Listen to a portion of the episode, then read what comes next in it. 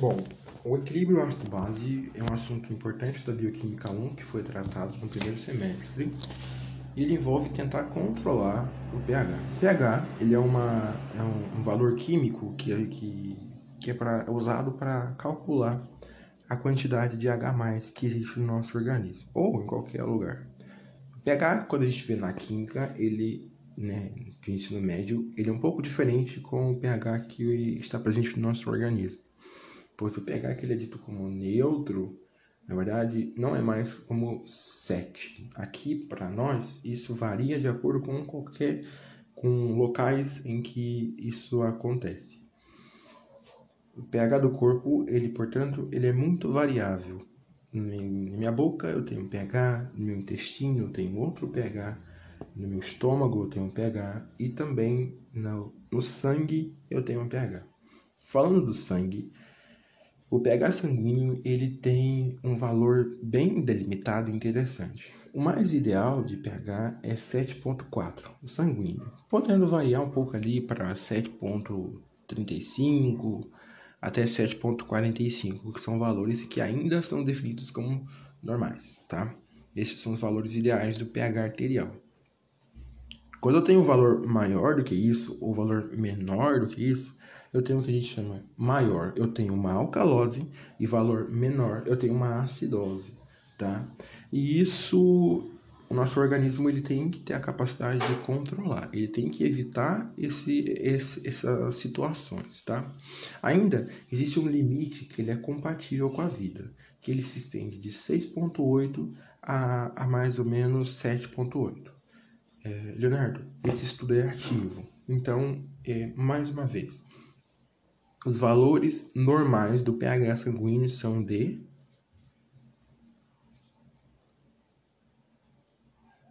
e o limite compatível com a vida, ele é de Muito bem. E qual que é a importância de manter o pH é, estável no nosso corpo? PH ele precisa manter estável para interf não interferir né, no, na atuação das proteínas. Né? As proteínas elas são muito sensíveis a variações de temperatura, de substrato e de pH não seria diferente. Tudo que a gente ingere libera é, ácido, seja então ali na nossa alimentação, no caso, libera ácido. Um carboidrato, um lipídio, uma proteína que eu como libera ácido. E é preciso eliminar esse H+. Né? A gente pensa em ácido, a gente tem que lembrar em H+. É preciso eliminar esse H+, do nosso corpo. E ele, o nosso organismo, ele usa de diferentes mecanismos.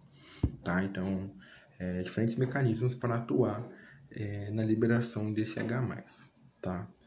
E, além disso, né, não, não, não, cabe somente a alimentação, mas ao próprio metabolismo do nosso corpo. Existe a liberação de ácidos que são voláteis, ácidos não voláteis. Um exemplo, por exemplo, é, é o CO2, que é um ácido volátil também produzido pelo corpo. Como eu mencionei, tudo que a gente come libera H+. É, e por que que se a gente come então muita coisa, né, nosso organismo está em constante é, ativa, ativação, né, no seu metabolismo, eu me refiro, por que, que isso não prejudica então as proteínas, já que pode gerar muito, muita variação, né? Não gera porque existe um, um sistema que a gente chama de sistema tampão. O que, que é o sistema tampão? Três segundos.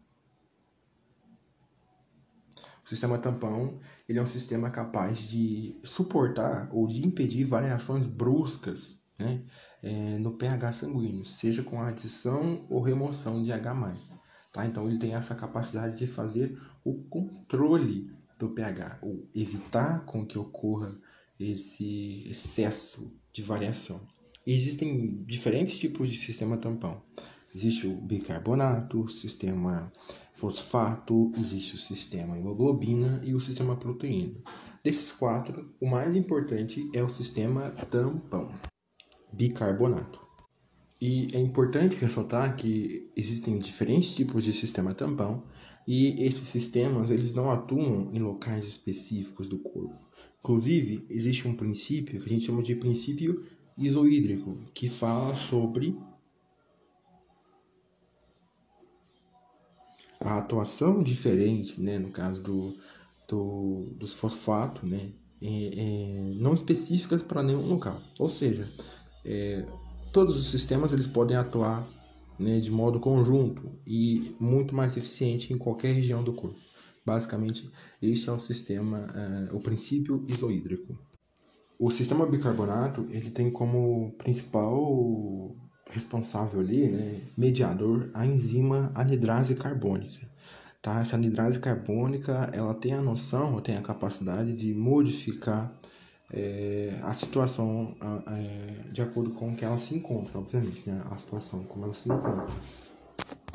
Se por alguma razão o pH sanguíneo começou a aumentar muito, ou seja, eu estou tendo uma alcalose, essa anidrase carbônica ela tem a responsabilidade de fazer com que eu tenha uma maior quantidade de é, bicarbonato no nosso corpo.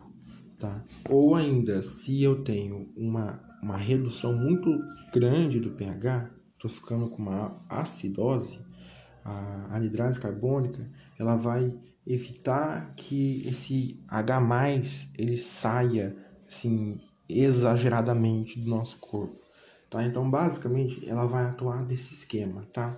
É difícil explicar como é que funciona o sistema tampão sem entrar, é bicarbonato, no caso, sem entrar na regulação respiratória do equilíbrio ácido-base. A regulação respiratória, ela está muito associada à quantidade de CO2 que eu tenho no nosso corpo. Dependendo da quantidade de CO2 que eu encontro no organismo, é, isso me indiz ou induz a pensar é, na quantidade de H+, que eu tenho e, consequentemente, na proporção de... Na, no valor do meu pH. Tá? Se por alguma razão acontecer algum problema na respiração, seja ali... É, existem alguns fatores mesmo que interferem nessa respiração adequada, né, na, na inspiração e expiração, algum fator aconteceu, como por exemplo, modificação ou algum fator mesmo assim fisiopatológico na, na própria ventilação do organismo, seja porque você teve algum acidente e teve alguma fratura, quebrou alguma costela, o pulmão ele não consegue inflar é, muito bem, você tem uma dificuldade na respiração, seja por conta da pressão do ar mesmo externa e a pressão interna, já que naturalmente a pressão externa ela é diferente da interna, o que facilita a liberação de CO2. Tá? Então é muito mais fácil, já que é muito mais fácil a gente liberar esse CO2, porque a pressão é dentro do nosso corpo é uma pressão que ela é. Deixa eu só confirmar porque eu fico com medo de falar isso. A pressão no ar ela é menor do que a pressão nos alvéolos. Tá? Então, se a pressão no alvéolo é maior, isso quer dizer que eu tenho uma maior facilidade para liberar o CO2 do corpo tá? Mas se por alguma razão esse valor da pressão de CO2 no ar é maior, né, do que a dos alvéolos, eu tenho uma, uma absorção maior de, de coisa, CO2. Ou ainda por pela aquela perfusão, né, que é a, a velocidade com que o sangue ele está passando pelo pulmão. Se isso é interferido também, eu tenho dificuldades que interferem, né, acaba interferindo na troca gasosa. Isso pode ou não acumular mais ou menos CO2. E isso gera problemas, tá? Mas como que funciona o controle da respiração, o controle do pH e a respiração? A respiração, ela libera, a gente pensa que ela libera somente CO2, mas na verdade, junto do CO2, a gente está liberando água e também elétrons. Dentro desses elétrons, eu posso pensar no H+. O H+, é um uma das, da, dos resíduos liberados durante a respiração. Então, conforme eu vou liberando CO2, eu vou liberando também H+, e isso gera como consequência um aumento do meu pH. Por isso é importante ter uma respiração controlada. Se eu tenho uma hiperventilação, ou seja, eu estou respirando demais da conta, isso quer dizer que eu estou liberando H+, fora do comum eu estou liberando muito H+, muito, muito H+, e consequentemente isso vai aumentar o meu pH. Por quê? Uma menor quantidade de H+, aumenta o pH, e isso gera uma alcalose. Tá? Então, se eu tenho algum problema respiratório, seja esses aí que eu falei, é, eu vou ter o que a gente chama de alcalose respiratória. Entretanto, se eu tenho uma hipoventilação, ou seja, eu tenho uma respiração mais lenta, mais devagar mesmo assim, uma pouca liberação de CO2, isso quer dizer que eu estou retendo muito H do nosso organismo. E, consequentemente, se eu estou guardando muito H, isso vai aumentar o pH. Né? Ou melhor, vai diminuir o pH, aumentar a quantidade de H, porém diminui o pH. E isso gera uma acidose respiratória. Por que ela é respiratória? Porque essa acidose ou alcalose foi ocasionada por algum problema na respiração. Tá? Então, existe um negócio que a gente chama de compensação respiratória, que vai tentar, né, no caso, controlar. O corpo ele vai tentar entender o que está acontecendo, ele vai aumentar ou diminuir a ventilação naturalmente. Tá? Então, se eu tenho um aumento da minha pressão de CO2 no corpo, isso quer dizer que eu tenho, como eu falei, uma, uma, no caso, um aumento da pressão de CO2 no organismo, eu tenho um, um, uma maior retenção de H+. Se eu tenho um meio com muito H+, eu tenho uma diminuição muito grande do pH.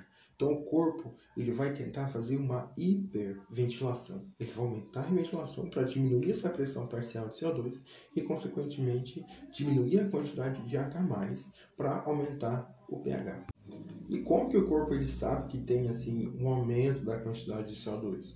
Existem alguns quimioreceptores presentes no nosso organismo que, por exemplo, principalmente assim na aorta, né, na, naquela artéria, a aorta, existem alguns receptores que têm uma comunicação direta com o cérebro, tá? E a partir do momento que é, existe essa comunicação, que está tendo um acúmulo de CO2, é, existe uma região no cérebro em que ela controla a respiração e a partir disso ela vai, no caso, moldar a respiração ao seu favor. Este é um dos mecanismos, é o mecanismo inicial da, da regulação de, de, do pH no nosso corpo. Ele é um mecanismo rápido, ele é o primeiro mecanismo que acontece, porém ele não é tão eficiente assim. O mecanismo mais eficiente é a regulação renal. Tá? O rim também é responsável por isso. Como que o rim ele atua? Ele vai atuar na, na excreção, né, numa maior excreção ou maior reabsorção de bicarbonato. Tá? O bicarbonato e a quantidade de pH ela é diretamente proporcional. Se eu aumento a quantidade de bicarbonato no nosso corpo, eu aumento meu pH. Se eu diminuo a quantidade de bicarbonato, eu diminuo meu pH. Então, o rim ele vai usar isso a seu favor. Se por alguma razão o meu pH começou a diminuir, estou tendo uma acidose, quer dizer então que eu estou acumulando uma quantidade muito grande de H+, no nosso corpo. O rim ele pode fazer dois mecanismos interessantes. Ele pode ou é, liberar, né, excretar maior quantidade de H+, na corrente sanguínea, ou na urina, tornando uma urina mais ácida. Então, ele vai jogar fora né, essa quantidade de H+, ou ele pode também reter, reabsorver, né, já que ele é o principal filtro do nosso corpo, ele vai reabsorver a quantidade de bicarbonato. Dessa forma, eu tenho um acúmulo de bicarbonato e uma redução de H+, o que é, aumenta o pH. Ou ainda, se eu tenho, por exemplo, uma alcalose, eu tenho então ali um aumento da quantidade de, de pH, porém com uma redução da quantidade de H+, o corpo ele pode é, se eu tenho é, ele pode reabsorver no caso mais H+, então ele vai reter, ele vai filtrar cada vez mais H+, ele vai manter, né, reabsorver só que ele vai excretar, né, vai liberar para a urina uma maior quantidade de bicarbonato. Dessa forma, ele consegue é, voltar ao normal o pH. Tá? Então, ele consegue tornar normal o pH. Esse mecanismo renal ele é muito mais eficiente, só que ele é mais lento. Ele é muito mais eficiente do que o respiratório. Porém, ele é mais lento. Ele demora um tempo a mais para acontecer.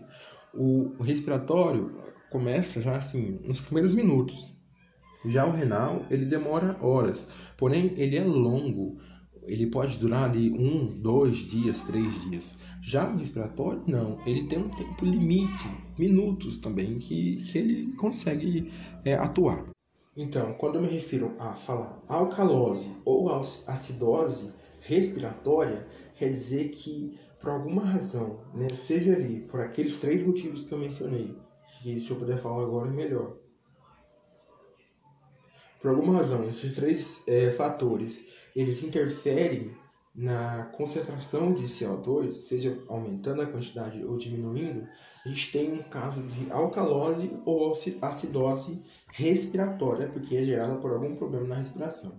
Mas existe também alcalose e acidose metabólica, quando por alguma razão os rins, né, eles não estão conseguindo trabalhar muito bem nessa parte, tá? Então, se ele não está atuando muito bem, é, eu posso ter novamente uma alcalose uma acidose respiratória.